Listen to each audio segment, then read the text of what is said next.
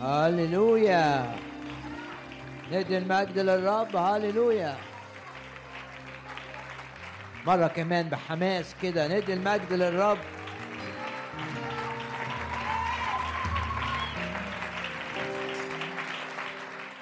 بنؤمن ان الرب حاضر في الاجتماع اعلن ايمانك كده بان الرب هنا في هذا الاجتماع لن تعود من هنا كما اتيت بنعلن إيماننا أن الرب حاضر في الاجتماع. بنعلن إيماننا أن الرب حاضر في الاجتماع لأجل كل شخص هنا.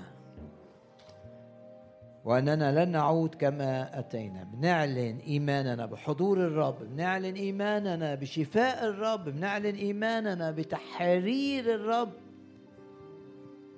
بنعلن إيماننا إن الرب هيكلمنا بنعلن إيماننا إن الرب هيلمسنا. والوعد وتكون في الارتفاع فقط.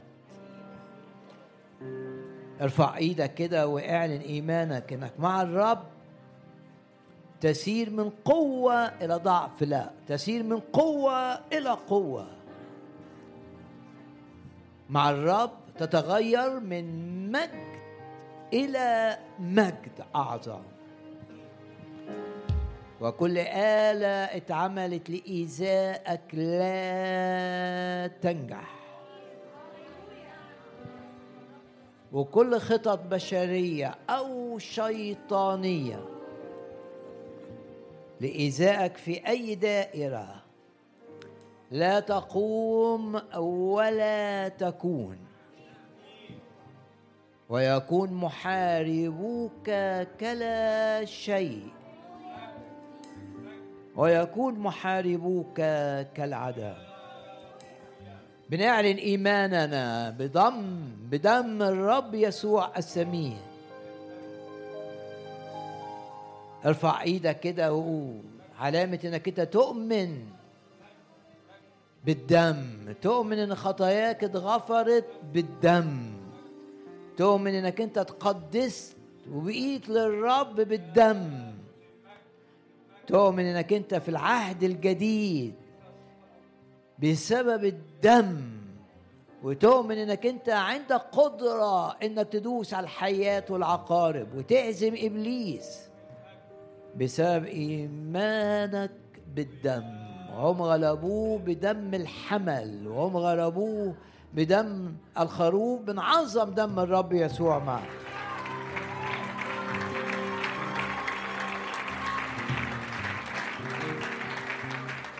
والكتاب بيقول طوبى للشعب العارفين الهتاف.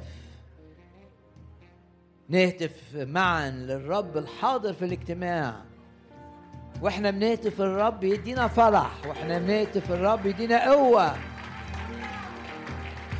طوبى للشعب العارفين الهتاف. نهتف معا ونقول للرب هللويا. تاني هللويا. هللويا.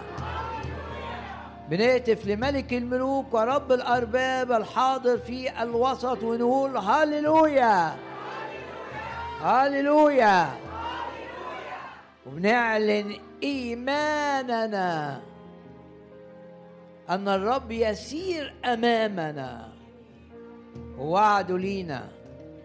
أنا أسير قدامك.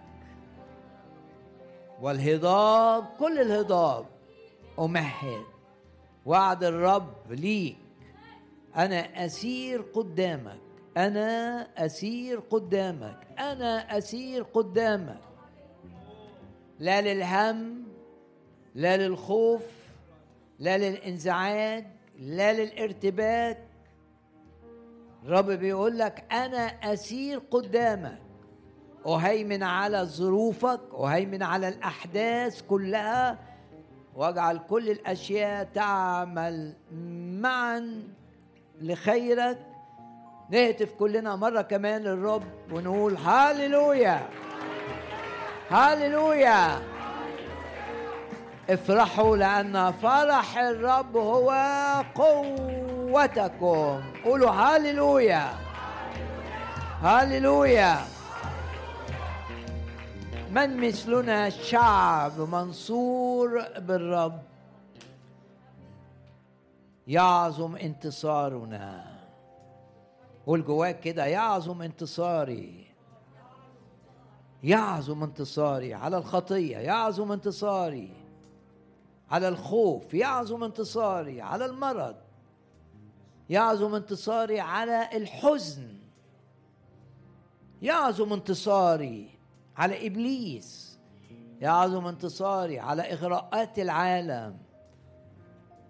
في هذه جميعها يعظم انتصارنا بالذي أحبنا. الرب بيحول الفشل إلى نجاح. الرب بيحول الخزي إلى مجد. الرب بيحول الخسائر إلى مكاسب. الرب بيغير الأوقات والأزمنة. ضع ثقتك في الرب. وعد الرب ليك وعد الرب ليكي. لا أهملك ولا أتركك. ولما تبقى في أي موقف مش عارف تتصرف وشايف نفسك ضعيف. تذكر صلوات رجل الله الملك يهوشافاط. لما وقف وصلى وقال للرب ليس فينا قوة.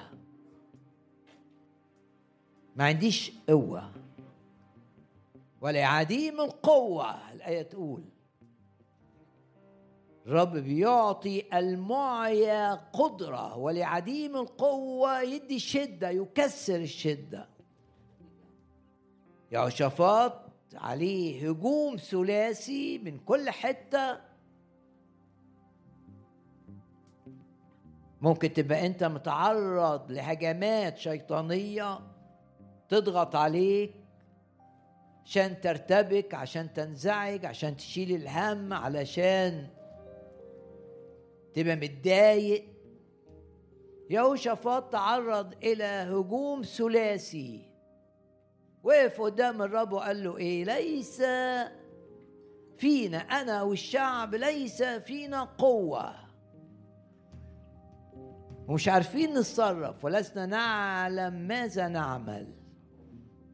ولكن إيه؟ نحوك أعيننا.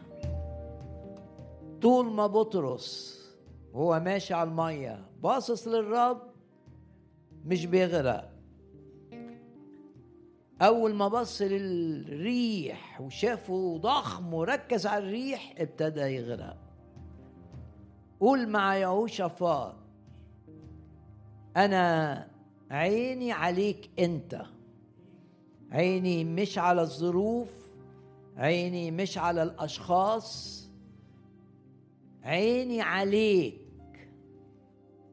وأشوف كل حاجة من خلالك. عينك تشوف الرب. فيش حاجة تشوفها قبل الرب. عينك تشوف الرب. والرب يعمل فيك بالروح القدس. يرفع إيمانك وتبقى واثق إنك مع الرب مش هتغرق. ومع الرب مش هتفشل. ومع الرب هتعيش حياة تختبر فيها تأييد الرب الواضح ليك. وارفع إيدك كده معايا واعلن ايمانك ان الرب يتحكم في كل الابواب اللي قدامك. ويقفل بيبان ويفتح بيبان. قل له يا رب أشكرك لأنك أنت بتقفل بيبان وتفتح بيبان علشان أتحرك في مشيئتك. وعشان اتمم ما تريده مني. قل كده للرب أن أفعل مشيئتك يا إلهي ده سروري ده فرحي ده طعامي. ده أكلي. أن أعمل مشيئتك. اقفل بيبان وافتح بيبان لكي أكون في مشيئتك. وشجع كل واحد بيسمعني. كل واحد بيتابع الاجتماع عبر الإنترنت. أن يصلي من قلبه هذه الصلاة. يا رب أريد أن أكون في مشيئتك. كل أيام حياتي. ولا تسمح. قل للرب كده بثقة. لا تسمح. أنت بتحبني تستجيب صلاتي. أنا بصلي باسم الرب يسوع. لا تسمح أن أخرج خارج مشيئتك. يوما واحدا من أيامي الباقية على هذه الأرض. احفظني. من نفسي من أفكاري من تأثير أفكار الناس من ضغوط الظروف. احفظني في مشيئتك ولا تسمح أن أخرج خارج مشيئتك يوما واحدا. ندي المجد للرب الآن.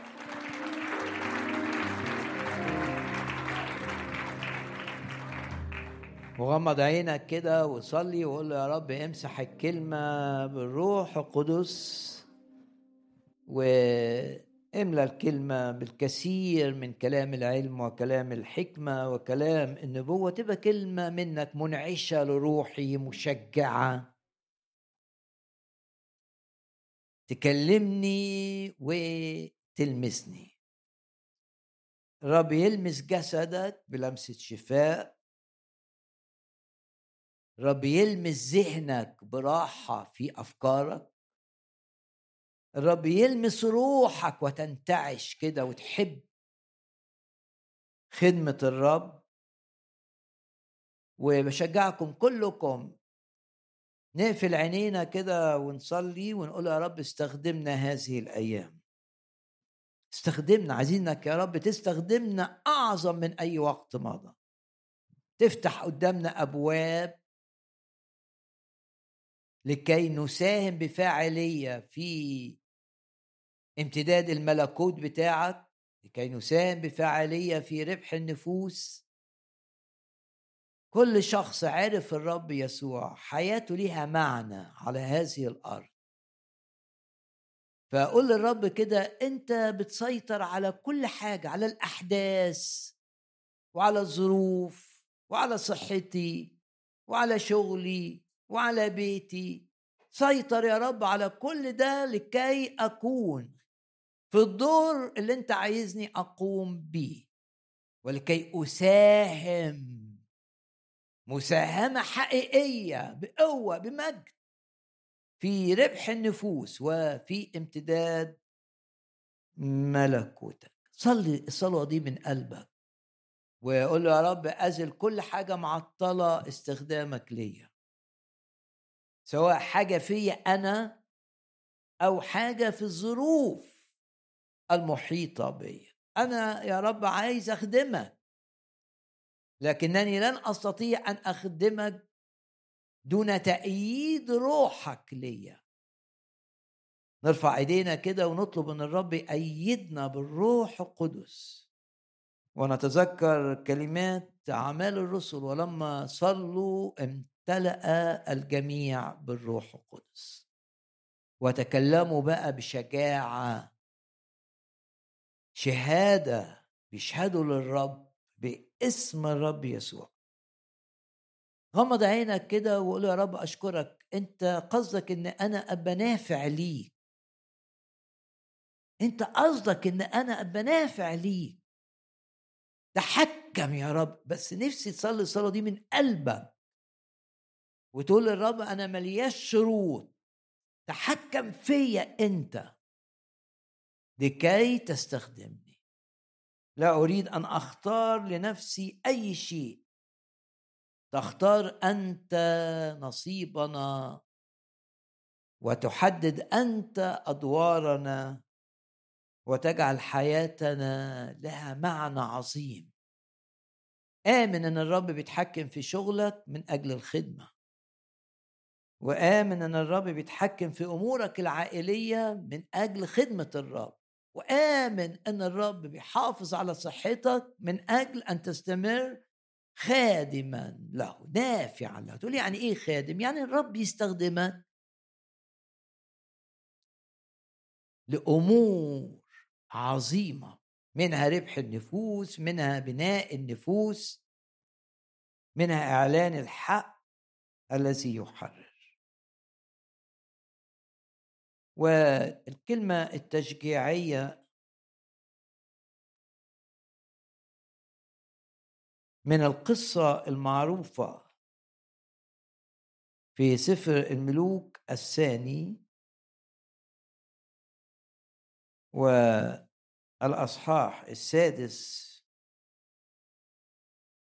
وقال بنو الأنبياء لأليشع بنو الأنبياء دي جماعة جماعة كانت بتعد للخدمة كان هناك ثلاث جماعات جمع جام مجموعة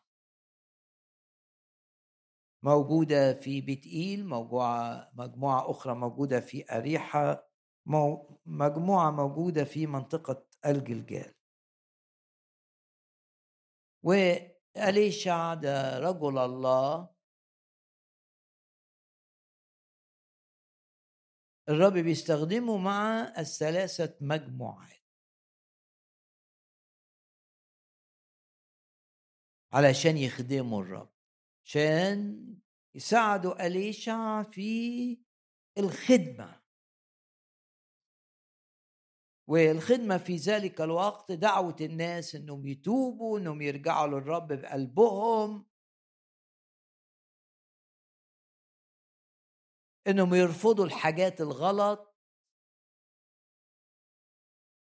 مجموعة من المجموعات آه، الثلاثة بنقرأ عنها في الأصحاح السادس. قال بنو الأنبياء لأليشع هذا الموضع الذي نحن مقيمون فيه أمامك ضيق. ضيق علينا. عايزين مكان أكبر عايزين عددهم يزيد.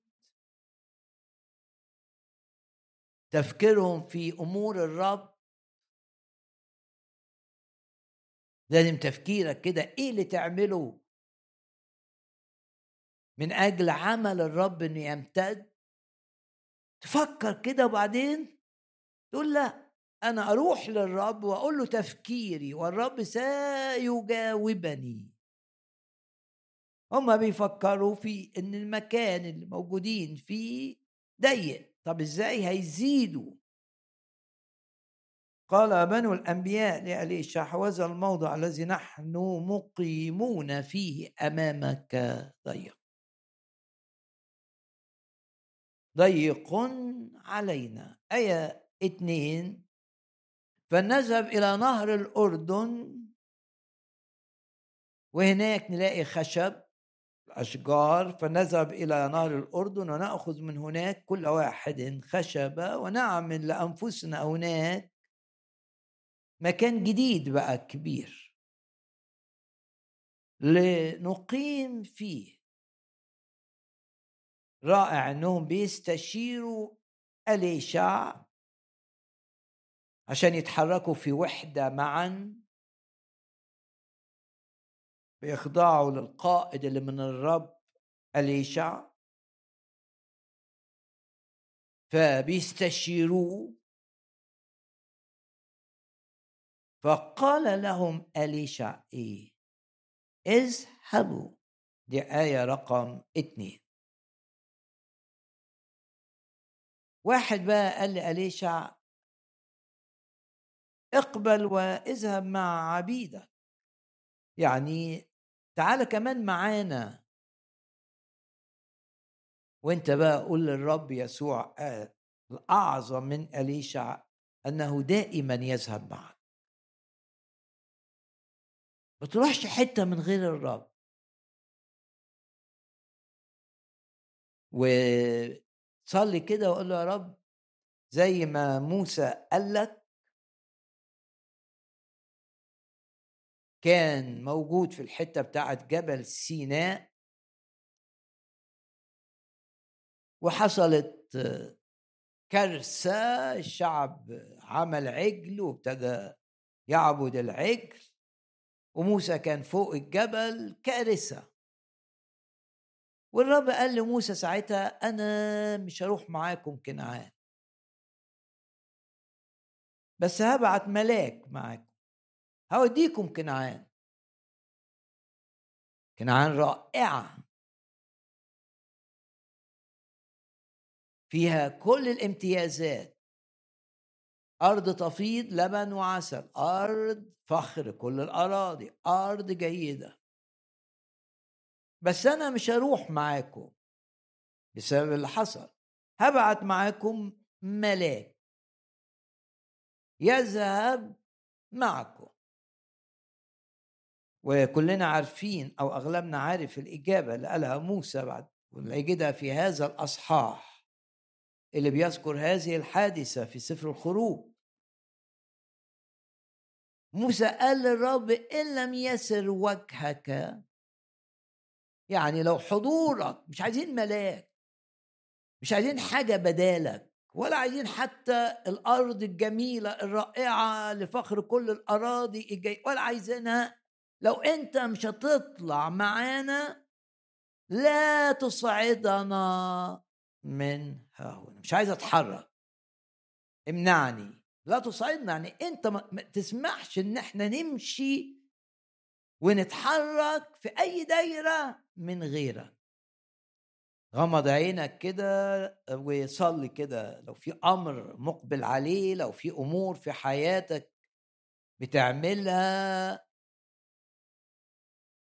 أمور قضائية أمور في للشفاء أمور في العمل أمور عائلية وأمور في الخدمة. قول للرب زي اللي قاله موسى بالظبط. إذا مش هتمشي معايا امنعني. أفضل إن أنا أقعد في الصحراء جنب الجبل ده وما أروحش الحتة الحلوة الجذابة دي. لو أنت مش طالع معايا هتبعت لي ملاك؟ لا أنا مش عايز ملاك أنا عايزك أنت. والقصة دي مكتوبة في سفر الخروج عشاني وعشانك وعشانك. ده مفتاح الراحة. عايز تعيش حياة فيها راحة؟ طالب الرب كده زي موسى كن شجاع. قول يا رب امنعني لو أنت مش هتأيدني بمسيرك معي. وموسى في الأصحاح ده قال إيه؟ بماذا يعلم؟ إزاي يتعرف إن إحنا مميزين ونمتاز عن كل الشعوب عن شعب مصر القوي وعن الشعوب الأخرى. إزاي نمتاز عن هذه عن هذه الشعوب؟ بإيه؟ هم عندهم ممتلكات أكتر مننا. وعندهم استقرار وعندهم كتير لكن إحنا نمتاز أليس بمسيرك معنا؟ نمتاز عن جميع الشعوب. أنت تمتاز عن الشخص اللي معرفش الرب يسوع بإيه؟ بإن الرب ماشي معاك.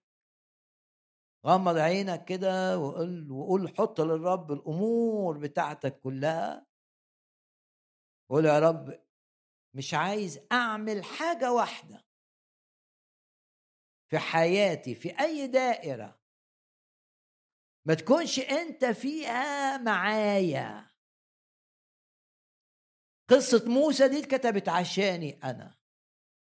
وبعد كده قال للرب أرني مجدك. ما دام أنت هتمشي معايا هشوف مجد. هشوف تأييد الرب ليا. شوف الرب بيحول الأمور عشان كلها تشتغل من أمور مؤذية إلى أمور لخيري. أشوف إيد الرب بتحرك الأشخاص شوف تأييد الرب أشوف عمل الرب العجيب شوف الرب متحكم في أوقاتي أشوف الرب متحكم في أوقات الناس أشوف الرب بيهيمن على كل الظروف والأحداث. أشوف مجد الرب. مجد الرب تشوفه لما يبقى من قلبك كده جوه قلبك يا رب مش عايز أنزل الشغل النهارده وأنت مش معايا. مش عايز أروح هذا المكان انت مش معايا. إن لم يسر وجهك أمامي لا تصعدني امنعني. مش عايز أصعد مش عايز أرتفع. مش عايز أرض جيدة لو أنت مش معايا. وإجابة الرب كانت لموسى عظيمة جدا. أنا أسيء أسير فإيه؟ فأريحك. غمض عينك كده وقول يا رب أشكرك لأنك تقفل بيبان وتفتح بيبان عشان تمشي معايا. وأشكرك لأنك لن تتركني ولن تحملني. وأشكرك. قل للرب كده. لأنك تسير لتريحني. الرب يمشي معاك عشان شيل منك الهم شيل منك الخوف.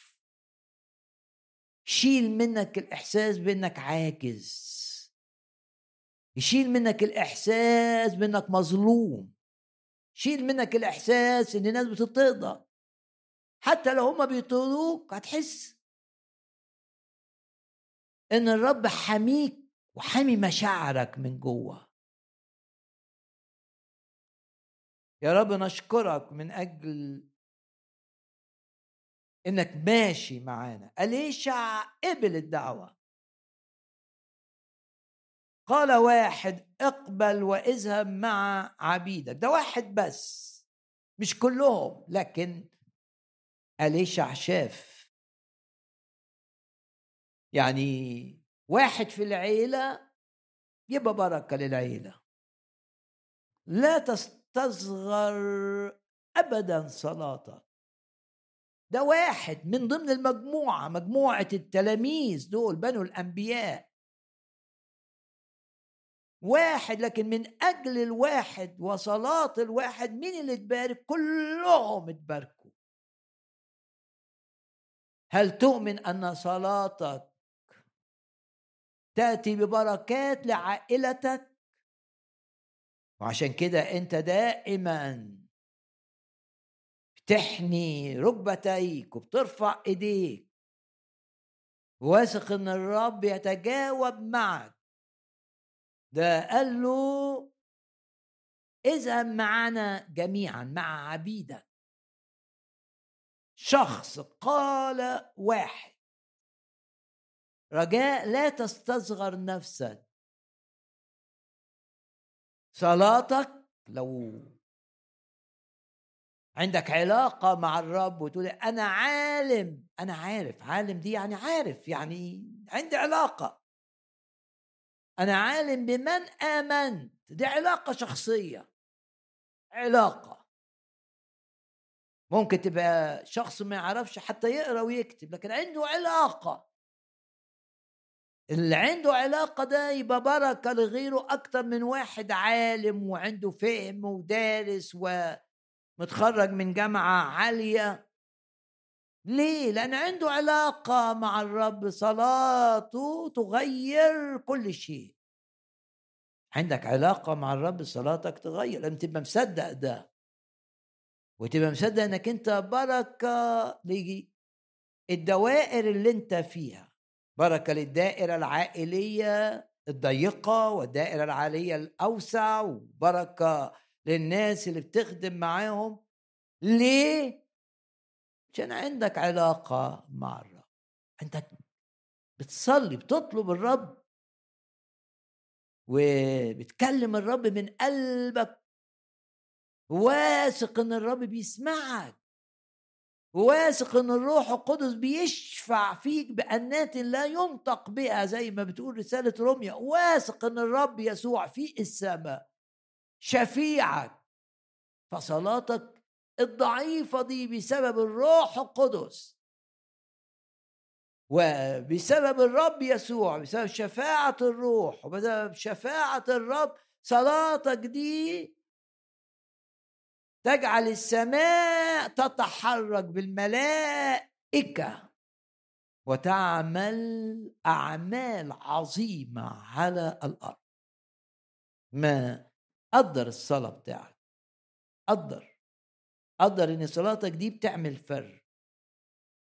نصلي لأننا نعلم الرب نعرف الرب. إنني عالم بمن آمن.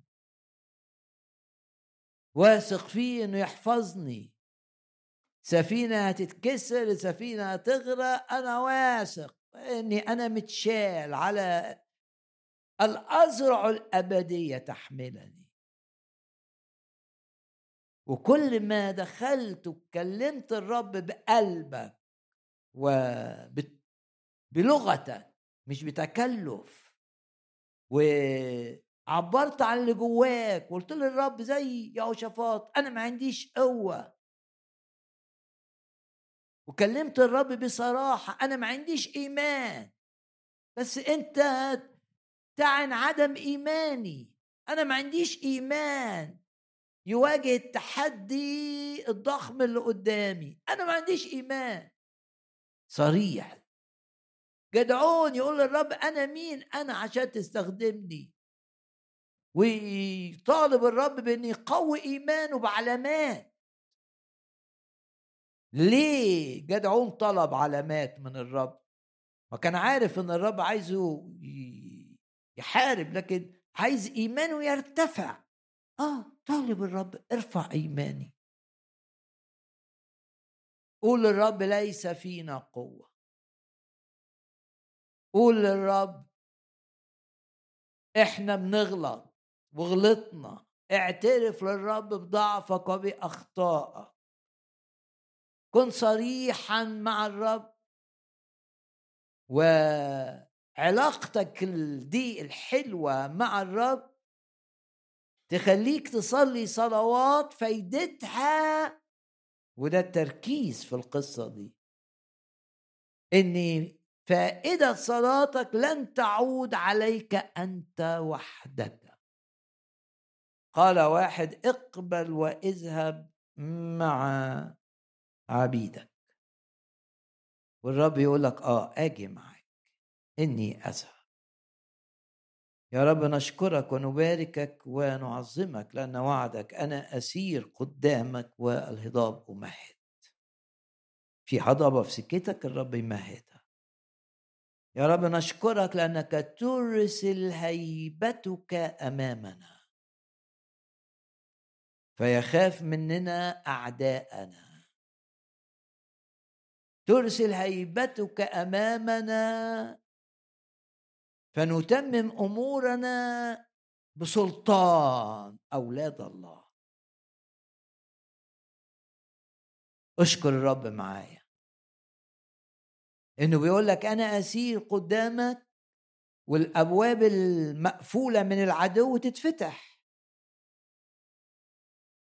في أنت شاعر ان في أبواب مقفولة بعناد ومش راضية تتفتح ولما بتصلي بتحس إن ده مش الرب. دي أبواب قفلها الناس أبواب قفلها اللي ورا الناس إبليس. يبقى الآية دي ليك. أشعية خمسة وأربعين. أنا أسير قدامك أكسر مصراعي النحاس. ده باب مقفول جامد قوي لأني الضلف المصراعين اللي هم الضلف معمولين من نحاس عشان الضلف تقاوم النار. مش بس تقاوم الطرق عليه عشان تتفتح وتقاوم النار. خشب ممكن يتحرق. أحيانا تلاقي حاجات عنيدة قوي إيه يعني؟ قول ما فيش حاجة اسمها صدفة. في أموري مع الرب هو صدفة إنك أنت في الاجتماع. اوعى. اوعى تفكر إنك أنت اللي جبت نفسك هنا. لا صلاتنا دائما أن الرب هو اللي بيجيب الناس إلى هذا الاجتماع. الرب استخدم تفكيرك استخدم إحساسك بالاحتياج استخدم تأثير أشخاص عليك لكي تكون هنا مش صدفة. إنك تسمع الوعد إن الأبواب العنيدة لن تستمر عنيدة. والأبواب المقفولة بعناد بنحاس قول النحاس ده يتكلم عن أبواب عنيدة أبواب مقاومتها شديدة ده الحركة بتاعتنا. ولو حد بيخدم الرب وحاسس كده إن كل ما بيخدم حاجات بتتقفل وحاجات بتتلخبط افرح. تقول لي ليه؟ أقول لك لأن دي فرصة يتمجد فيها الرب معك وتختبر استجابات صلاة. وتختبر الإيمان الذي يحرك الجبال. من أنت أيها الجبل العظيم؟ لو حد بيسمعني قدامه حاجة زي الجبل كده وممكن واحد يصحى من النوم يحس كده تقل عليه ومش قادر يتحرك ومش قادر يروح الشغل ونفسه مسدودة و... إيه جبل نفسي كده؟ ويحاول يعرف السبب يمكن ما تضيعش وقتك. إنما ممكن مش صدفة إنك تسمع هذه الكلمات. تقول من أنت أيها الجبل العظيم؟ كان في جبل عظيم. بيمنع زروبابل من إنه يعمل عمل مستحيل. ده العمل مستحيل لأن أعداء ضخمين ومقاومة شريرة شديدة وكل حاجة بتتعمل تتعطل. اقرأ سفر عذراء إنما وعد الرب عظيم. من أنت أيها الجبل العظيم؟ خلاص. الأيام الماضية خلتنا نشوف الجبل العظيم. اعلن إيمانك إن الأيام الحالية والقادمة تريك من هو أعظم من الجبل العظيم. من أنت أيها الجبل العظيم؟ أمام نفس الشخص. زروبابل تتحول من جبل عظيم إلى طريق إلى سهل إلى وادي. من حاجة مانعة لحاجة مساعدة باسم الرب يسوع. تشوف ده أن الظروف اللي كانت بتمنعك هي نفسها. يلمسها الرب وتتحول إلى ظروف مساعدة. وممكن تشوف إن الأشخاص اللي كان بيستخدمهم الشيطان لإعاقتك بيستخدمهم هم هم الرب لتعويض الإعاقة. قد يفعل الرب معك هذا. إنما هنا بيقول أكسر مصراعي النحاس. ارفع إيدك واعلن إن البيبان اللي بيفتحها الرب لن تغلق لأنها بتتكسر. يعني هو ما قالش أفتح الباب ده قال أتلف معنى أكسر أتلف الضلف. يعني مش اتفتحت اليوم النهارده عشان بكرة تتقفل. وفي ناس يقولوا لك كده. نتشجع شوية وبعدين نحبط. اعلن إيمانك إن ده لا. لا يستمر. ليه تستمر؟ يوم فوق ويوم تحت يوم فوق ويوم تحت يوم متشجع ويوم يومين. يائس ومكتئب. ليه؟ هل ده اللي قاله الرب في الكتاب؟ لا. يقول لك يقودنا في موكب إيه؟ الانتصار. زي ما القائد الروماني لما كان يرجع من الحرب منتصر يمشي كده في الشوارع موكب انتصار مستمر. اعلن. ثقتك في الرب أنه يكسر مصراعي النحاس.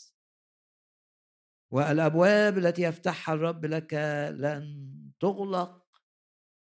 وبعدين كلنا عارفين الآية الرائعة إنك أنت مع الرب بقى تختبر المفاجآت العظيمة. تقول أنا اختبرت مفاجآت رديئة. ناس كنت فاكرهم كويسين وطعنوني. مفاجآت سيئة. فاجئت. كنت معتمد على أشخاص وتخلوا عني. كنت مرتب أمور وحصلت حاجات فجائية أربكت حساباتي.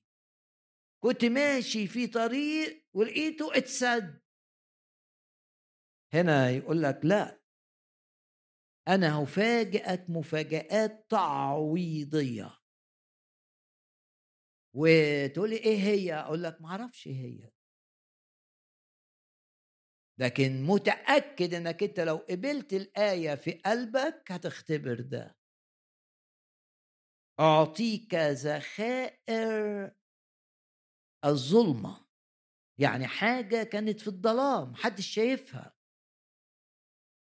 ويقولوا إن الكلمات دي لأنها اتقالت لكورش كورش لما دخل بابل ما كانش يعرف إن في نهر الفرات اللي اللي بيدخل في بابل بالقنوات بتاعته في سفن تحت المية غرقانة تحت المية ومليانة كنوز من اللي جابها نبوخذ نصر من انتصاراته على الشعوب العالم. ننتصر على كل شعوب العالم وخد كل الكنوز ووضعها في مخابئ. يقولوا إنها ما كانتش معروفة لكن إيه يعني؟ الرب يوجهك يمين شمال فوق تحت. تلاقي النهر تلاقي تحت النهر المفاجآت السارة. أعطيك ذخائر الظلمة وكنوز مستخبية المخابئ. صلاتك ستأتي ببركات على من تعرفه. أنت بتيجي الاجتماع ده تقول له آه أقول لك طب وأنت جاي؟ صليت من أجل هذا الاجتماع. قبل ما تنزل من البيت رفعت قلبك من أجل الكلمة عشان تباش كلمة من إنسان. الإنسان هيفيد الناس في إيه؟ كلمة من الرب. تقول لي أنا أصلي أنا مين أنا عشان أصلي؟ أوعى تقول كده.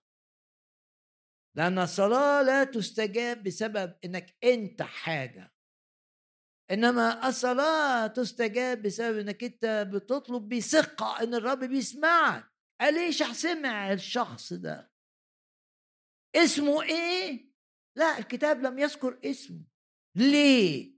عشان يقول لك ده أي واحد كان ممكن يقول لأليشع كده وأليشع كان سيتجاوب معه امتياز كل مؤمن عرف الرب يسوع أن يصلي والسماء تسمع صلاته. وممكن أقرأ لك آية تذكرتها الآن. في المزمور اللي بيتكلم عن التبرير إن إحنا تبررنا من خطايانا لما جينا ليسوع. أنت تبررت من خطاياك بيت بار أمام الله بسبب إيه؟ بسبب إيمانك. موضوع بسيط مش معقد. شخص آمن بالرب يسوع إيمانه بإيه؟ ده البر بتاعه بإبار أمام الله. ليوم اتنين يقول لك لا إلى الأبد. وهنا في مزمور 32 يقول لك يا لسعادة الشخص. الذي لا يحسب له الرب خطية. غمض عينك قول له أشكرك يا رب لأنك أنت بتحبني. ولأنك بتحبني ذهبت إلى الصليب حاملا خطاياي وتحملت عقاب الخطية بدالي عشان الخطية بتاعتي ما تتحسبش علي. هو ده التبرير تتحسب دائما عليك. عليك إمتى؟ وانت على الصليب. متحملا عقابها ومتحملا أيضا لعناتها. طوبى لرجل لا يحسب له الرب خطيه إيه نتيجة التبرير ده؟ يقول كده في آية ستة لهذا يصلي لك كل شخص عنده مخافة ليك. يجدك في وقت يجدك فيه. يبقى إذا ما دام أنت وثقت إن الرب غفر خطاياك يبقى لازم تثق إن الرب بيستجيب صلاتك بسيطة. مش لازم تبقى خادم كبير عشان الرب يستجيب صلاتك تستطيع أن تصلي زي الراجل ده طلب. والطلبة بتاعته جابت بركة للمجموعة كلها. أليشع يذهب مع المجموعة بسبب طلب من شخص واحد نكرة غير معروف الاسم. ممكن تبقى أنت مش معروف. إيه يعني؟ بس معروف في السماء كفاية. و الجارية الخادمة اللي كانت بتشتغل في بيت نعمان ما نعرفش اسمها إيه لكن نعرف قصتها إنها بسبب شهادتها لشفاء الرب أنقذت نعمان السورياني من الموت لأن ده كان مرض قاتل في ذلك الوقت. ما أعرفش اسمها. ليه؟ وكانت في ظروف صعبة جدا مسبية ومقصورة. نرفع إيدينا ونعلن ثقتنا برفع الإيد أن الرب يستجيب صلاة المؤمن الغير معروف. ولو أنت شايف نفسك أوحش واحد في الأوضة دي بقول لك يسوع بيحبك جدا جدا جدا وعطالك الاسم بتاعه. قال لك استخدم اسمي ده في الصلاة عشان صلاتك تستجيب. نعود إلى القصة المشجعة. سفر الملوك الثاني. والأصحاح السادس. انطلق معهم. يا رب تنطلق معنا في كل تحركاتنا. أشكرك. لا تتركنا.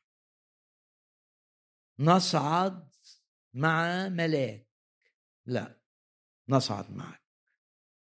ولما تبقى ماشي مع الرب هتقول نصعد ونمتلكها نمتلك الوعود ليه قادرون قادرون بإيه؟ بمسير الرب معنا. أليس بنتعرف إن إحنا تبعك؟ أليس بمسيرك معنا؟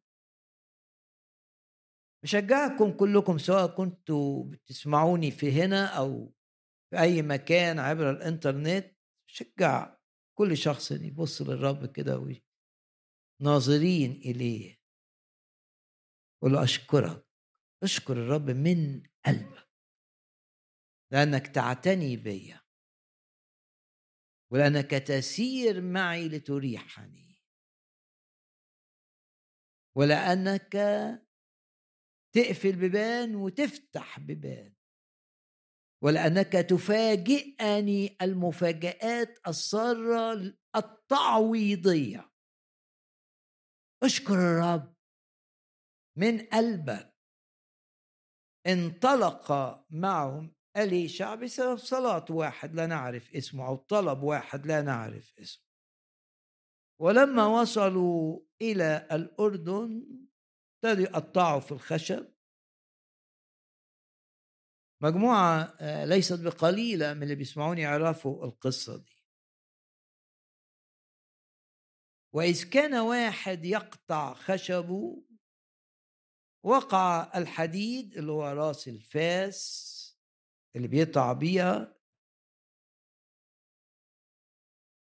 في الماء وإيه المشكلة؟ دي حاجة بسيطة يعني ده فاس يعني لكن الرب يهتم بأمورنا الصغيرة كما يهتم بأمورنا الكبيرة. يهتم بجسدك زي ما بيهتم بروحك. يهتم بأمورك العائلية زي ما بيهتم بأمورك في الخدمة. إن القصة حوالين فاس وقع في المية نهر الأردن لكن فاس ده الرب يهتم بيه و مستخدم أليشع من أجل حاجة يمكن في نظر الناس قليلة الأهمية. يبقى الرب مستعد أن يهتم بأمورك الصغيرة.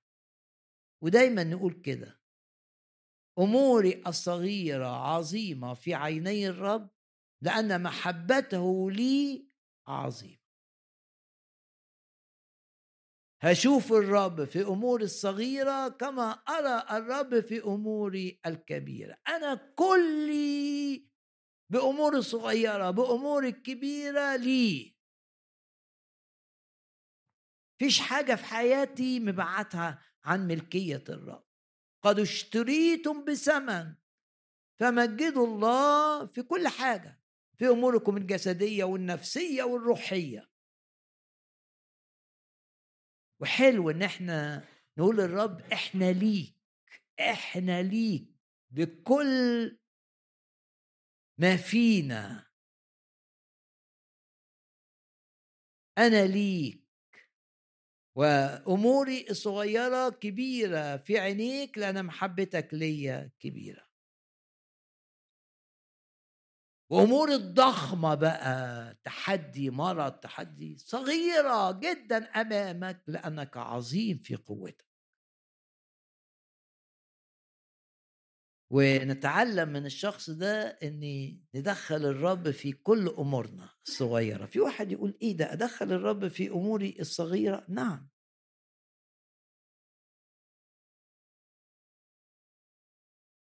ولو عايز آية بفكركم بكلمات رسالة في لبي كلمات عظيمة. علاج الهم كيف تعالج الهم؟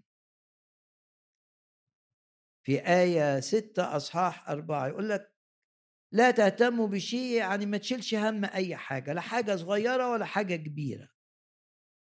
إيه العلاج؟ ما أنت ممكن تقول لي ما تشيلش هم ولا نفسي بشيل هم. تقول لي ما تقلقش ولا نفسي بقلق. تقول لي ما تخافش ولا نفسي بخاف. العلاج إنك تكلم الرب.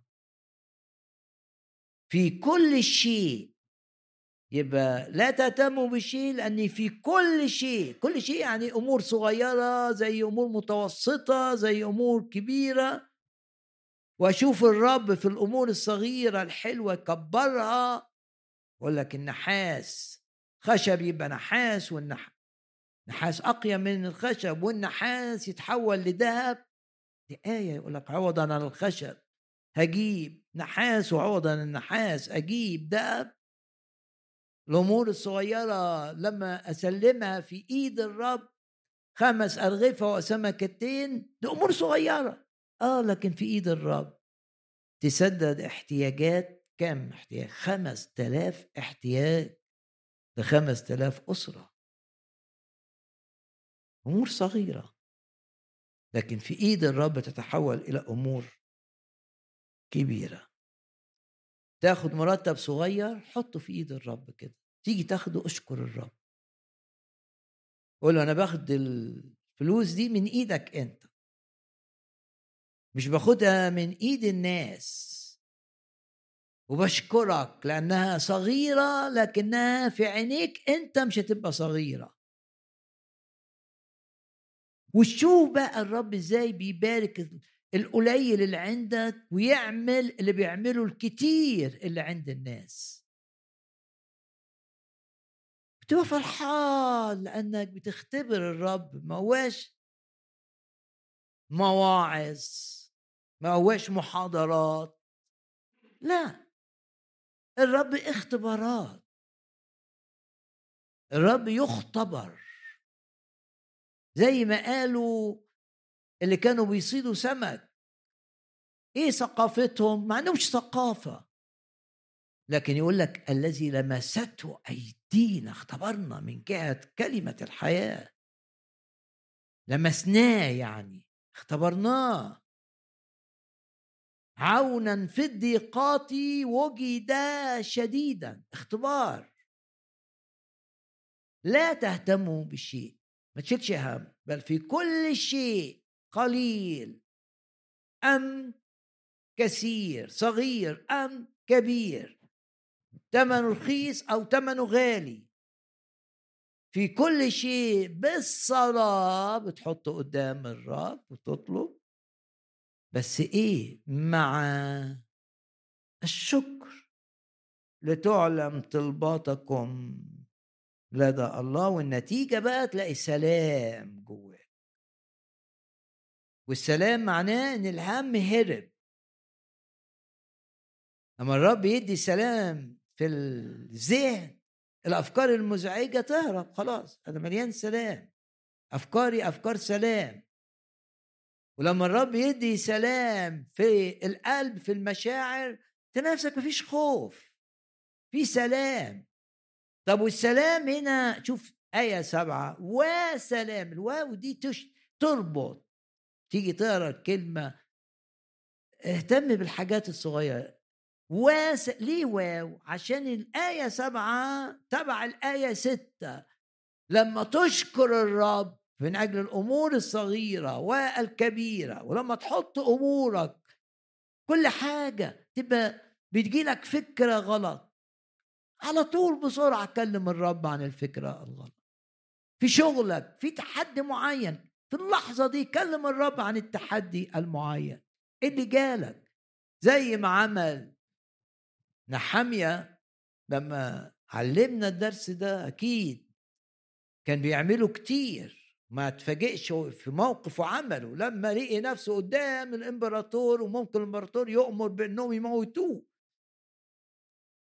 ولقي نفسه بيتسأل سؤال أنت ليه كده؟ أنت داخل قدام الملك كده آه بشكل لا يليق بالإمبراطور بتاع العالم؟ معنى القصة كده السؤال عمل إيه؟ يقول لك صليت. إزاي؟ رفع قلبه. صلاة سحمية. أكيد كان متعود على هذا النوع من الصلاة. أنت في ظروفك في الحياة. أنت مش لاقي مكان معاك عربية تركن فيه مش لاقي الأتوبيس مش لاقي تعلم إنك أنت مباشرة تلمس السماء تعمل زي نحمية ما عمل والنتيجة كانت عظيمة جدا جدا جدا جدا. رب يسمع الصلوات. والنتيجة قبل الرب ما يغير اللي بره بيغير اللي جوه. يعطيك سلام. تنام مرتاح. مش خايف من خطر فجائي ولا خايف من حسابات منطقية. ولا خايف من آراء ناس عندها خبرة. سلام الله الذي يفوق كل عقل ويفوق كل عقل يعني إيه؟ يعني سلام كتير ما تتوقعش إنك تمتلك تبقى في ظرف تقول مش ممكن يبقى حد في الظرف ده عنده سلام. دي المركب بتغرق. آه المركب بتغرق بس يسوع كان نايم في المركب. طب ممكن تبقى المركب بتغرق وأبقى نايم؟ آه. لأن يسوع قدم نفسه نموذج ليك. بالروح القدس يديك سلام. والمركب لن تغرق. وسلام الله الغير متوقع. يحفظ قلبك وفكرك في دائرة الأمان في المسيح. يسوع. يا رب نشكرك لأني تعلمنا دروس كثيرة في هذه القصة العظيمة.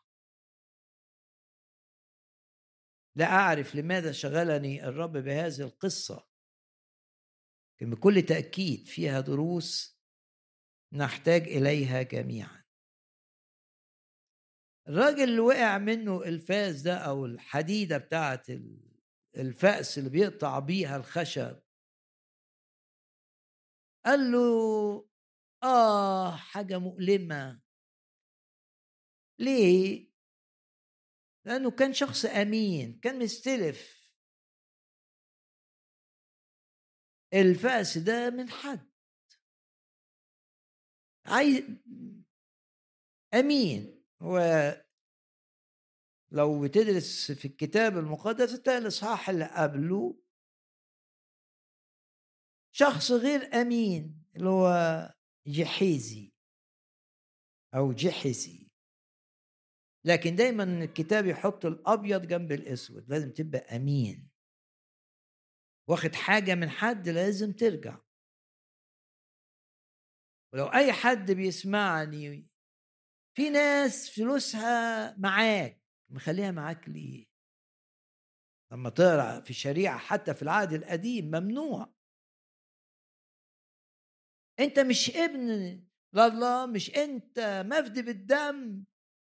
مش أنت حياتك وصول تشهد للرب. آه الرب أمين. أحد ألقاب الرب الأمين. لازم تبقى بتمارس الامانه أمين في كلامك ما بتبالغش في أي موضوع.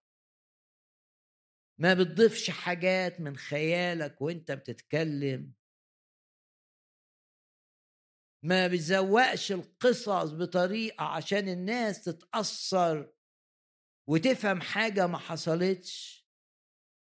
إحنا عايشين فين؟ في العالم.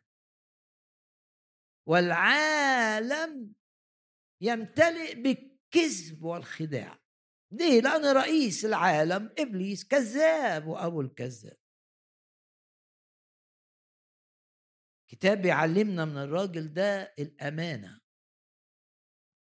وغمض عينك وصلي من أجل أن تكون أمينا في كلامك أمينا في أحاديثك. أمينا في أمورك المالية. وفي علاقاتك مع الآخرين.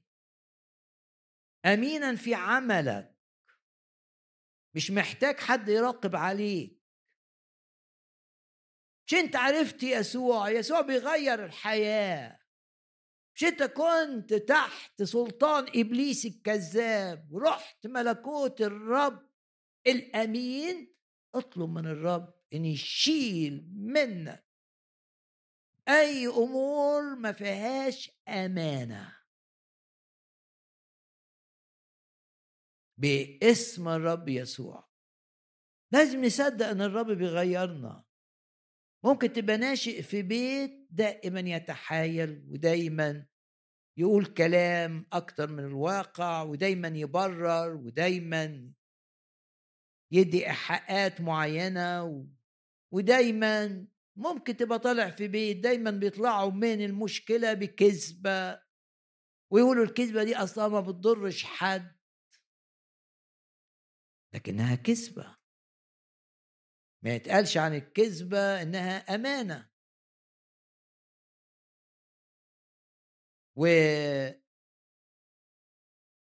بطرس في رسالته الأولى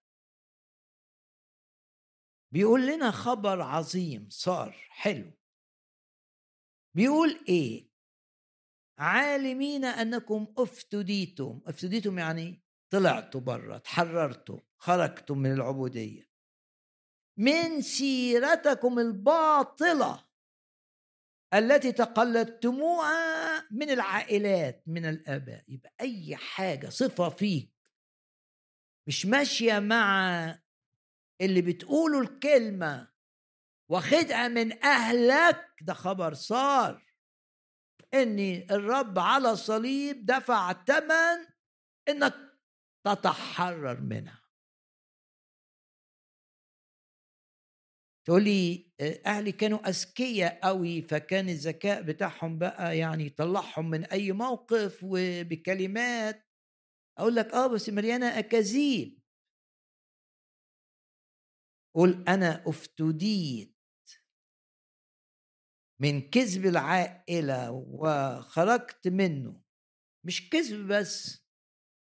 الآية هنا شاملة. لو أنت طالع من عائلة كانت بتخاف لو أنت طالع من عائلة كانت مشهورة بالهم لو أنت طالع من عائلة كانت النجاسة فيها سائدة لو أنت طالع من عائلة فيها الفشل. واضح نجاح ثم فشل. اعلن إيمانك لأن مش صدفة إن الروح قادني أن أقرأ هذه الآية العظيمة. أننا افتدينا يعني إيه؟ دفع ثمن الفداء معناه واحد بيطلع من العبودية كانوا زمان عبيد بيتباعوا في سوق. اللي بيبيعوا فيه ويشتروا العبيد واحد يجي يحررهم بدفع فدية بدفع ثمن الرب عمل كده معاك.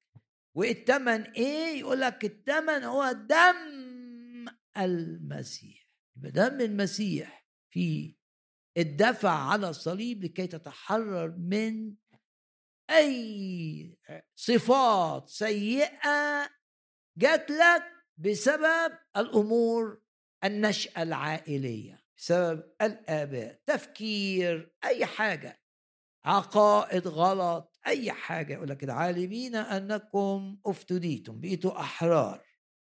لا بأشياء تفنى بفضة أو ذهب من سيرتكم الباطلة التي تقلدتموها من الآباء. يعني سيرة باطلة يعني ما الكذب باطل يعني عمره ما ينجح. بل بدم كريم كما من حمل بلا عيب ولا دنس. دم المسيح. راجل أمين. ليه؟ لأنه هو بيصرخ كده لأليشع ويقول له يا سيدي بيكلمه بتقدير واحترام. أنا مستلف الفأس ده. قال رجل الله أين سقط؟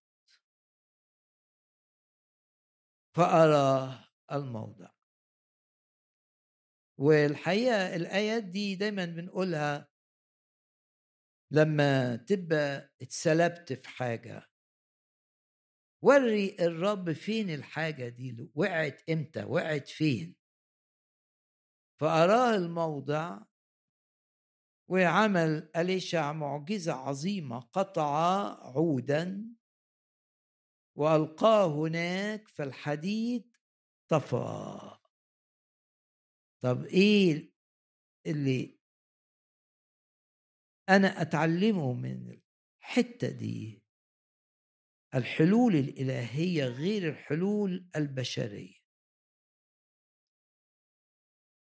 إزاي العود ده يخلي الحديد يطفو. غير المستطاع عند الناس مستطاع عند الله. أنت عليك توري الرب بس. تقول له أنا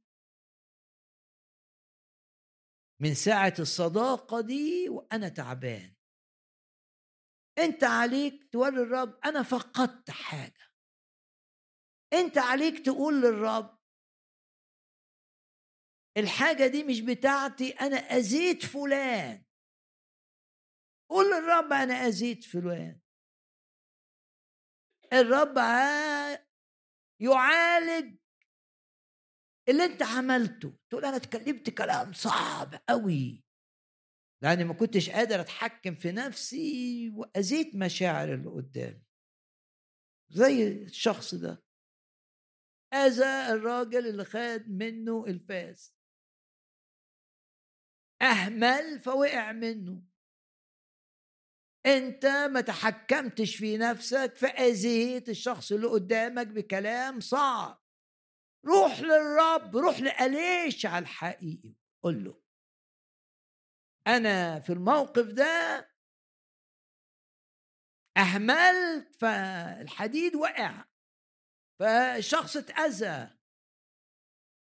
عالج خطئي ممكن تبقى أنت أذيت ناس ممكن تبقى بدون تفتكر كده إن زي أذيت ولادك بمواقف معينة. أذيت إخواتك أذيت أهلك أذيت صاحبك. بطرس مش الكتاب قال لنا عن سيف الروح اللي هو كلمة الله في سيف تاني سيف الاندفاع البشري.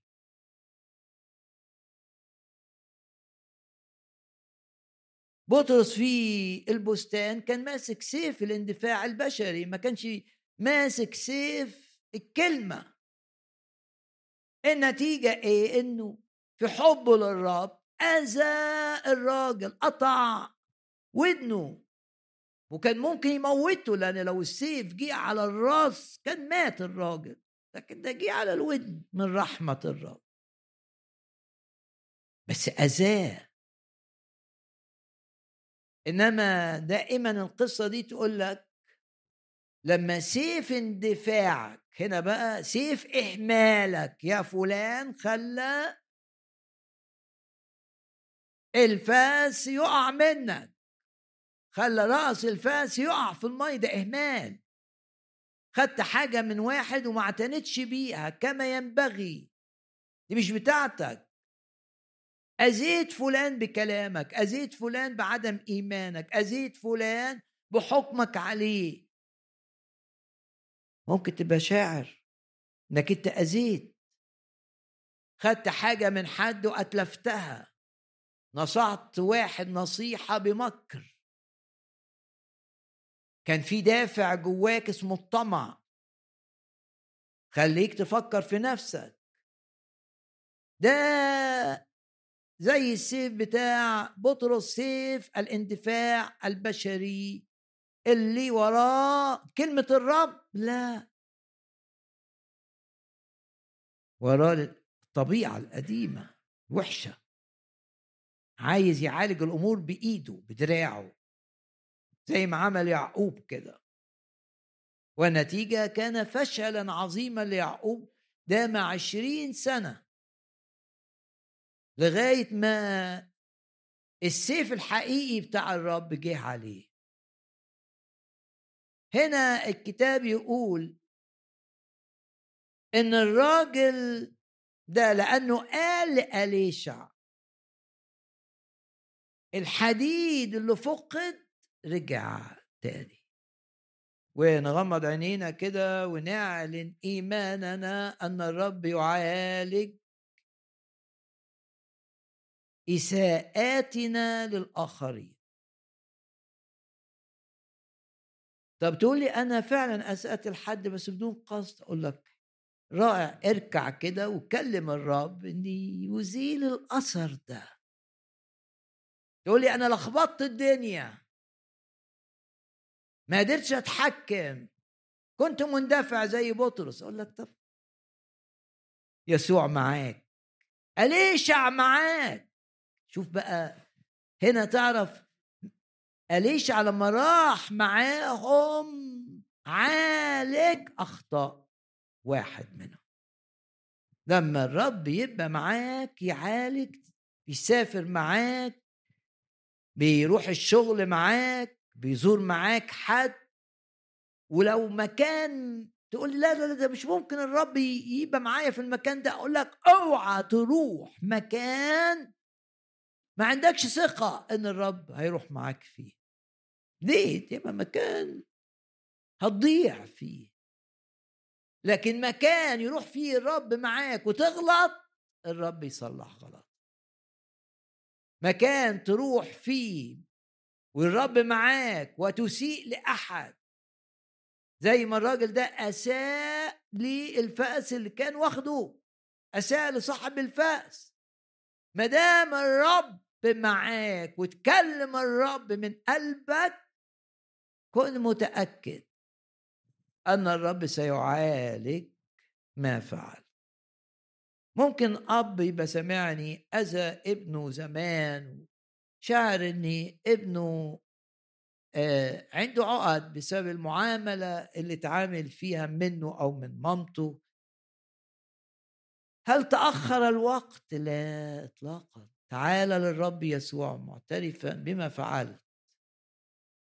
وطالب الرب أن يرد النفسية التي فقدت بطرق الرب العجيبة.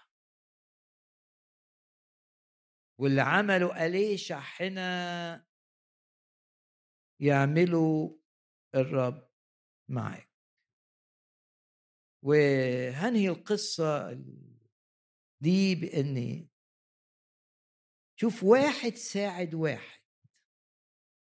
واحد جاب أليشع وأليشع ساعد اللي وقع منه الفأس. قال واحد اقبل وإذهب معنا. قال إني أذهب وانطلق معهم. يبقى ده الأساس. شوف أنت الأساس إنك أنت تتكلم الرب. هو ده الأساس. ولما بتكلم الرب الرب أنت ما تقدرش تساعد الشخص ده. اللي وقع منه الفأس. لكن لأنك كلمت أليشع أليشع موجود يساعد الشخص ده. كتاب بيربط بين اتنين. واحد جاب أليشع واحد استفاد من أليشع. تقول لي إيه الرسالة؟ أقول لك أحيانا بيبقى دورنا بس إن إحنا نجيب أليشع الحقيقي للناس. دوري مش إن أنا أحل مشاكلك. أحيانا. إنما دوري إن أنا أجيب يسوع لدائرة المشاكل بتاعتك دوري نخلي الرب يبقى معاك في الموقف اللي أنت ذاهب فيه. أنا ما أقدرش أساعدك لكن أقدر أجيب الرب. أطلب منه أن يرافقك وأن يصحح أخطائك وأن يعالج كل خطأ تقع فيه. غمض عينك كده واسأل نفسك إيه اللي الرب لمسك بيه النهارده بهذه القصة المشجعة. ممكن تكون اتلمست بضيق علينا المكان. يا رب عايزين تأثيرنا الروحي يتسع.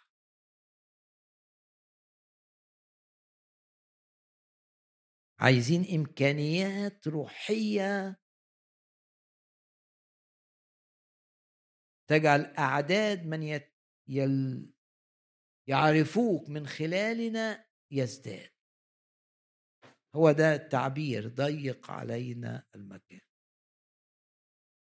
زي ما يعبيص لما صلى وقال ليتك تباركني وتوسع المجال بتاعه وتوسع دخولي الدرس الأول الدرس الثاني نراجع مع بعض. نستشير الرب في خطواتنا ونقول له مع موسى إن لم يسر وجهك أمامنا لا تصعدنا من ها هنا.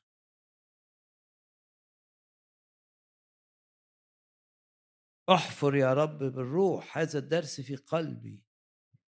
لكي لا أتحرك بدونك أبدا. وأثق أنك أنت تمنعني أن أتحرك خارج مشيئتك.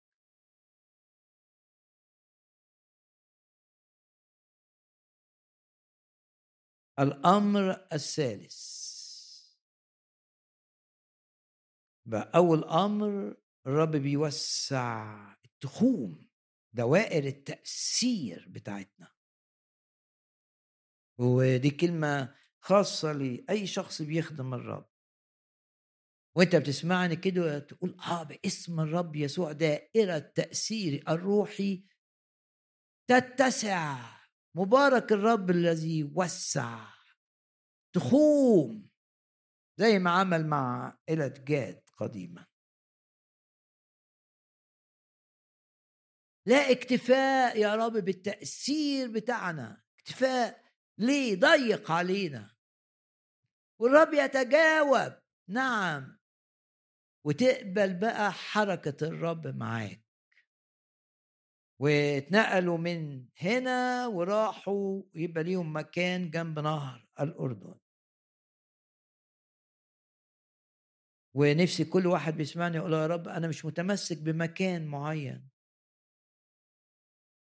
أنا عايز أبقى في الحتة اللي أنت عايزني فيها وعايز أبقى في الحتة اللي تستخدمني فيها. ولا أريد أن أكون في مشيئة بشرية. أنا عايز أبقى في مشيئتك أنت. قال واحد اقبل واذهب مع عبيدك. كلماته لأليشع بتعلمنا درس إن أي واحد فينا يقدر يتكلم أليشع الحقيقي الرب والرب يستجيب والاستجابة يبقى ليها فايدة. ولولا إن ده قال لأليشع تعالى كان الراجل اللي وقع منه الفأس خلاص. مش هيعرف يعمل حاجة. آمن إن صلاتك تحرك السماء والسماء تحرك الأرض وتصنع. إن هناك ضرورة تصنع معجزات. ودرس العظيم. الرب يعالج نتائج أخطائنا مع الآخرين.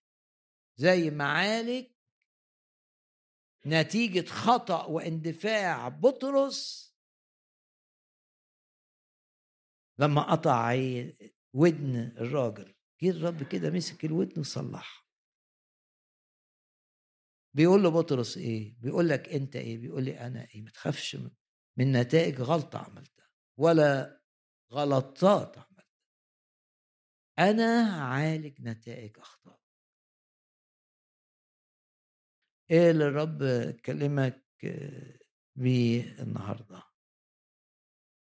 هنهي بس بآية من مزمور ستة وخمسين.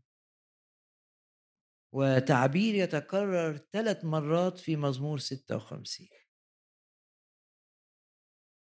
أفتخر أفرح بكلام الرب. يقول كده في آية أربعة الله أفتخر بكلامه مزمور ستة وخمسين.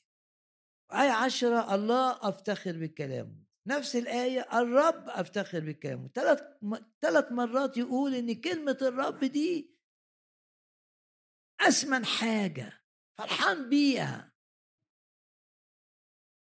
هل أنت فرحان بكلمة الرب اللي سمعتها النهارده؟ افرح! لأن من امتيازات المؤمن إنه يفرح برسائل الرب ليه. إيه اللي الرب كلمك عنه؟ بيبان تتقفل وتتفتح عشان تبقى في المشيئة؟ اشكر الرب. إيه اللي الرب كلمك بيه؟ إنه يعالج نتائج سيف الطبيعة القديمة اللي أذى ناس. هيعالج ده في الناس اللي اتأذت. إيه كلام الرب؟ هيفاجئك بكنوز المخابئ. كنوز مفاجآت صارت تعويضية. أعطيك ذخائر الظلمة وكنوز مستخبية وكنوز المخابئ. إيه اللي كلمك الرب بيه؟ ممكن تبقى شخص مش معروف. والناس مش بتهتم بيه. وحاسس كده إنك أنت مش زي ده وزي ده. آه بس يسوع بيحبك. ملك بيحبك. وصلاتك له وكلامك معه يغير ويصنع معجزات تغيير في حياة من تصلي لأجلها. لا تستسلم لصغار النفس. الغلام ده أو الراجل ده ملوش اسم. زي الجارية ملهاش اسم لكن بسببها نعمان غني جدا. اللي في وظيفة عالية جدا أنقذ من الموت. أوعى تستصغر نفسك. إيه اللي يكلمك بيه الرب؟ إنك ممكن تتحرر من آثار العيلة عليك. ليه؟ لأن ده جزء من الفداء. زي ما بتقول رسالة بطرس الرسول الأولى. يا رب أشكرك وأباركك وأعظمك. لن نعود من هذا الاجتماع كما أتينا. بنطلب عمل الروح القدس الآن عشان يزرع الكلمة يغرسها في قلوبنا. ونبقى زي نحامية كده. نصعد إله السماء يعطينا النجاح. ونبقى زي نحامية كده بنصلي صلوات. سهمية زي السهم كده في لحظة فتتغير الأمور. باسم الرب يسوع. آمن إنك أنت بركة حتى لو مش معروف. وآمن إنك أنت بركة لهذا الاجتماع الذي تحضره. ليه؟ لأني عالم بمن آمن. عالم مش بما آمنت لا عالم بمن؟ نعرفه. نقف جميعا في محضر الرب الآن. ولما صلوا امتلأ الجميع بالروح القدس. الروح يقودنا دائما أن نعظم الرب يسوع. صلي كده ونقول يا رب لتكن حياتي لمجدك. وأموري الصغيرة عظيمة في عينيك. وقول للرب كده في يدك أوقاتي. وتتحكم في كل ما له علاقة بي لكي أثبت في مشيئتك. وأكون نافعا لامتداد ملكوتك. صل بقلبك. المحتاجون إلى شفاء نفسي باسم الرب يسوع. لمسة شفاء. المحتاجون إلى تحرير وتخلص من قيود شيطانية. ومن سيطرة لأرواح شريرة على دائرة أو أكثر من حياتهم نعلن تحرير الرب يسوع. المحتاجون إلى شفاء جسدي بنعلن شفاء الرب يسوع. هاليلويا. يزيل الأمراض باسم الرب يسوع. يا رب أشكرك لأنك تكمل عدد أيامنا. تجدد مثل النسر شبابنا. هللويا تفدي من الحفرة حياتنا. تلمس كل شخص مريض هنا. أو يتابع عبر الإنترنت. شفاء من الهم شفاء من الخوف شفاء من الحزن شفاء من الارتباك. شفاء من الإنزعاج. شفاء من الأمراض شفاء من الأمراض القاتلة شفاء من الأمراض الشيطانية. ولو في أرواح موت أو أرواح ضعف ولا أي مرض باسم الرب يسوع بنعلن سلطان الرب يسوع تجاه هذه الأرواح. لكي تبتعد عن الشخص المريض. والروح القدس ينقل شفاء الرب للمرضى. هللويا نستريح كلنا في محبة الرب. استريح بيحبك ويقول لك خطاياك مغفورة. لا يحسب لك الرب خطية. يا رب غيرنا كلنا. وحركنا كلنا عشان نجيب نفوس ليك عشان نساهم في امتداد الملكوت. تحكم في كل ظروفنا.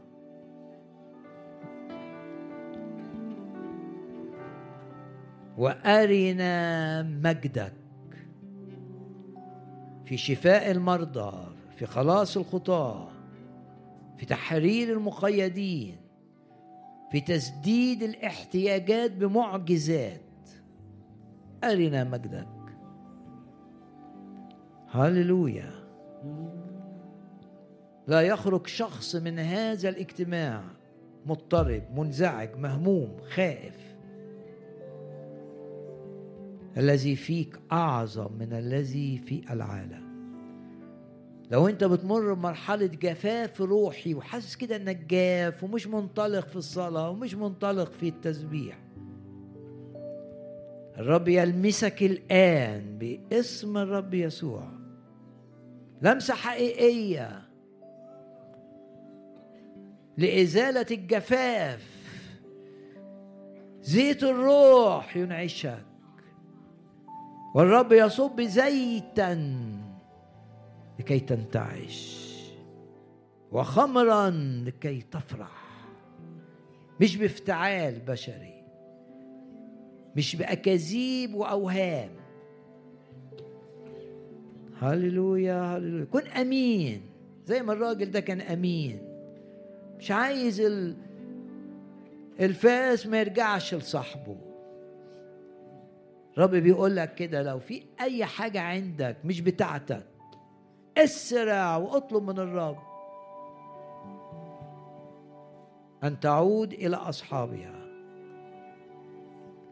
لو شاعر إنك خدت حاجات من الناس ومش عارف ترجعها لهم إزاي أطلب من الرب سيقودك. اليشع الحقيقي هنا؟ كن أمينا. ولو أنت صاحب عمل في ناس بتشتغل عندك لكن مش أمين معاها وبتستغلها. عشان ضعيفة. الرب بيبكتك. اعترف واطلب من الرب إن يديك فرص تعويض هؤلاء الفقراء. تعظم يا رب العمل معنا. لو انت بعيد عن الرب ولسه بعيد بدعوك الآن إنك تقول للرب معايا ادخل يا رب قلبي غير حياتي. اغسلني بالدم الثمين واجعلني شخصا جديدا. اقبل خلاص يسوع. اقبل تغيير الرب يسوع لك. هللويا هللويا هللويا. الرب يحامي عنا الرب يحارب عنا. وكل آلة صورت ضدنا لا تنجح. ولتبكم الشفاء الكاذبة التي تتكلم على أي مؤمن بوقاحة أو باستهانة أو بكبرياء. نرنم معا الآن. نحن نعلن سلطان.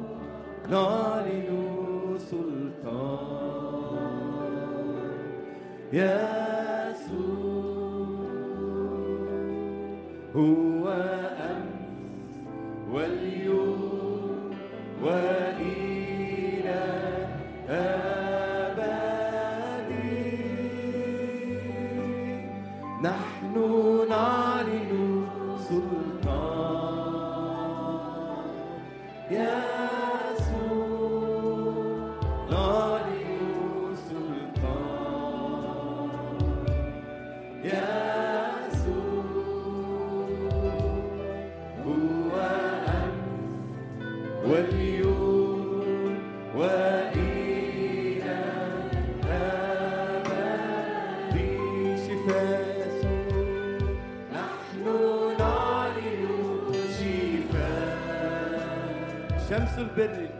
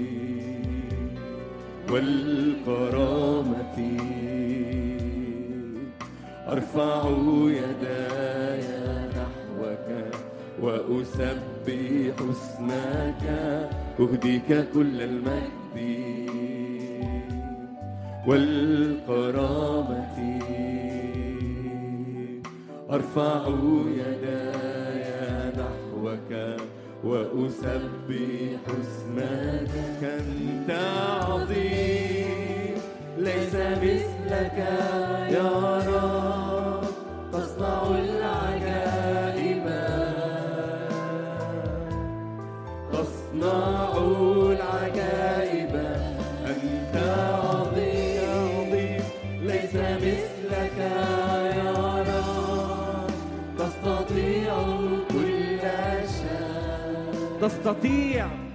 تستطيع كل شيء.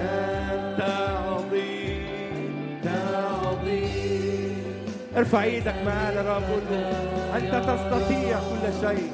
تصنع العجائب لا يعثر عليك أمر.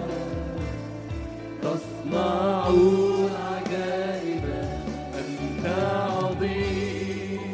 ليس مثلك يا رب. تستطيع كل شيء. تستطيع كل شيء. عظيم.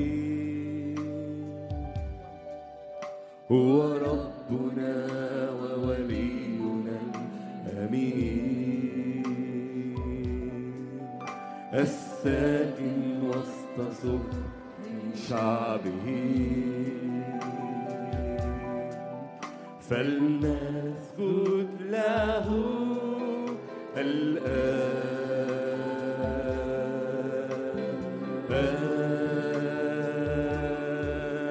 قدير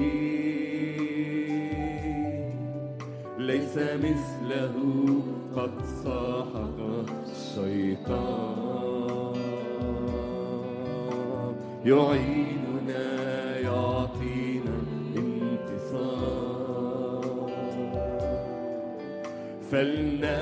فلنهتف له الآن.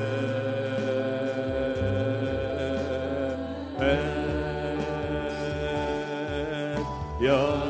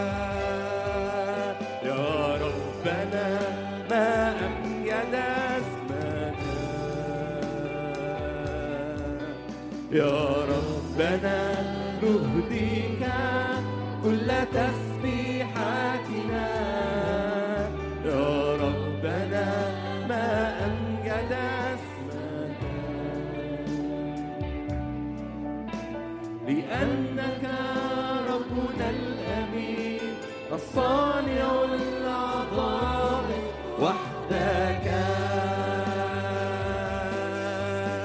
لأنك ربنا الأمين الصانع العظائم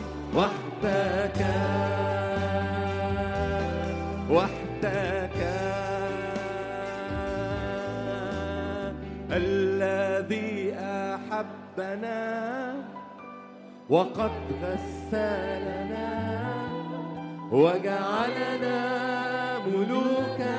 فعيدك وبارك الرب.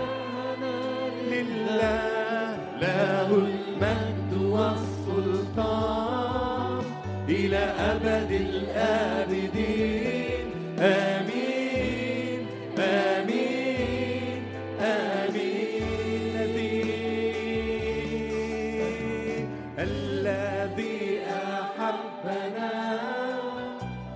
وقد غسلنا وجعلنا ملوكا وكهنا لله. له المجد والسلطان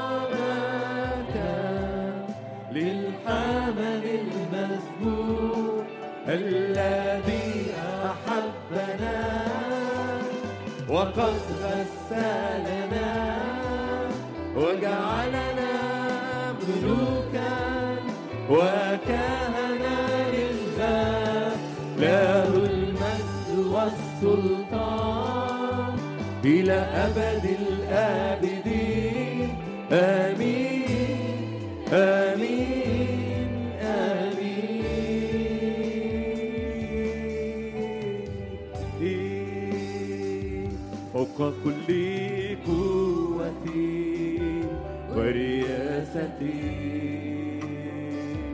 فوق كل اسم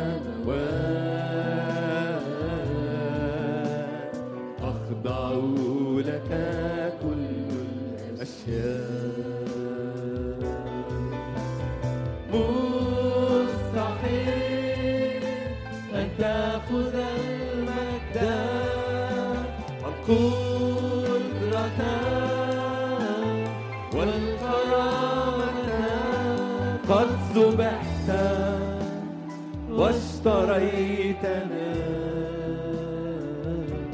فديتنا. بدمك نحبك. قد ذبحت واشتريتنا فديتنا. بدمك نحبك قد ذبحت واشتريتنا فديتنا بدمك. نحبك.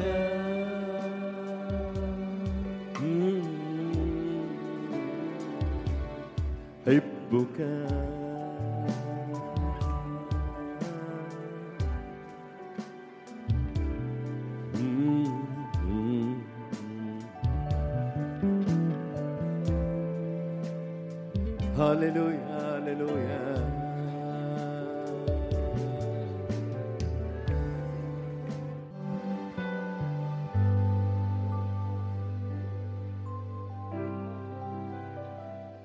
هللويا للرب يسوع لا ظلام لا دينونة لا عدوى بل حياة. لا انكسار لا مذلة لا قيود بل أمجاد.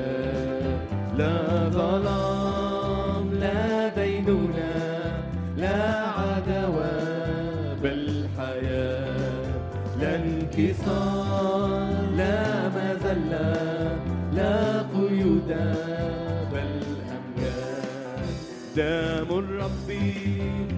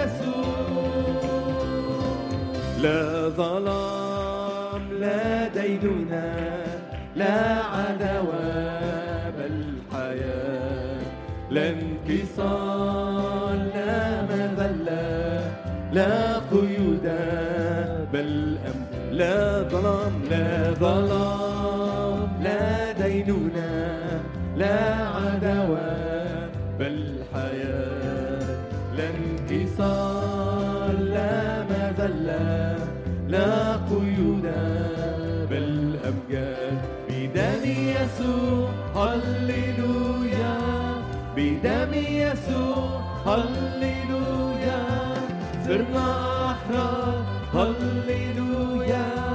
بدم يسوع. بدم يسوع. هللويا. بدم يسوع. هللويا. صرنا أحرار هللويا. بدم يسوع. لا ظلام لا دينونة لا عدوى بل حياة لا انكسار لا مذلة لا قيود بل أمن لا ظلام لا ظلام لا دينونة لا عدوى بل حياة لا انكسار لا قيود بل أمجاد بدم يسوع. هللويا بدم يسوع. هللويا صرنا أحرار هللويا بدم يسوع. عظم الرب يسوع الآن عظم الرب يسوع. مع الرب نسير من قوة إلى قوة مع الرب نتغير من مجد إلى مجد. نرفع ايدينا نعلن لا لعنات على حياتنا لا لعنات لا سحر يؤذينا لا حسد يضرنا لا قوة مضادة في عالم الروح تقدر أن تؤذينا. والوعد يحاربونك ولا يقدرون عليك. نرفع ايدينا نعلن حماية دم الرب يسوع الثمين يا رب نشكرك أن تتحكم في كل الأمور وتتحكم في الذين في يدهم أمورنا. الرؤساء الملوك وكل الذين هم في منصب. تتحكم فيهم من أجل أن نخدمك أكثر من أجل خيرنا وامتداد ملكوتك. نشكرك ونباركك ونعظمك. نشكرك من أجل الملائكة التي تحفظنا والتي تسهل كل أمورنا. يعظم انتصارنا بالذي أحبنا. ندوس على الحياة والعقارب وكل قوة للعدو مضادة لنا. ندوس على أرواح الضعف على أرواح المرض على أرواح الخوف على أرواح الحزن. إزالة لأي مرض باسم الرب يسوع. إزالة لأي ألم باسم الرب يسوع. الذي فينا أعظم من الذي في العالم.